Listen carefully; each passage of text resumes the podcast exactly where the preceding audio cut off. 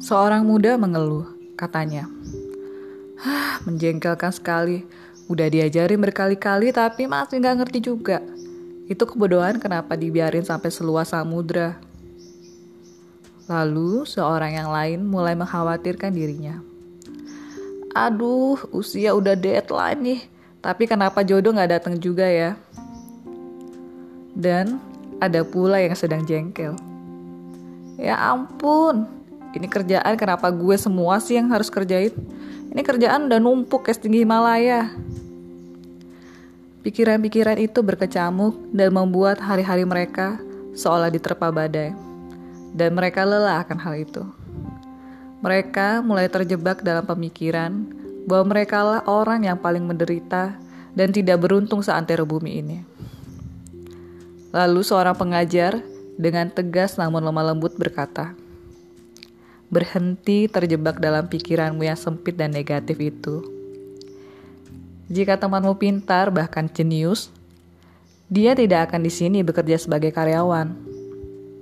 Mungkin dia sudah menjadi pemilik perusahaan. Jadi bersabarlah. Jangan lelah memberi dan mengajarkan hal yang baik pada temanmu. Lalu untuk jodohmu, jodoh adalah buat tantangan Tuhan dan sedang diproses karakternya menjadi penolong yang sepadan denganmu. Itulah kenapa semuanya butuh waktu. Jangan habiskan waktumu dengan mengeluh, tapi berdandanlah dirimu dengan karakter yang baik, sehingga jika nanti saatnya tiba, kamu sudah siap menjadi seorang mempelai. Dan hei kamu yang lagi jengkel, jika kamu dipercaya tanggung jawab yang banyak dan besar, itu tandanya kamu orang yang bisa diandalkan.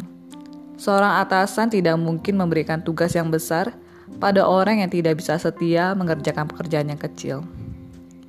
Jadi, teruntukmu yang sedang kecewa, jengkel, dan khawatir, coba yuk ganti apa yang ada dalam pikiranmu. Pikirkanlah semua yang baik, yang mulia, dan yang sedap didengar. Pikirkanlah semua itu. Memang gak mudah untuk dilakukan, tapi patut untuk diusahakan. Jadi, sekarang jika ada orang yang suka ngomel-ngomel sama kamu, kamu akan berespon seperti apa? Semuanya adalah keputusanmu.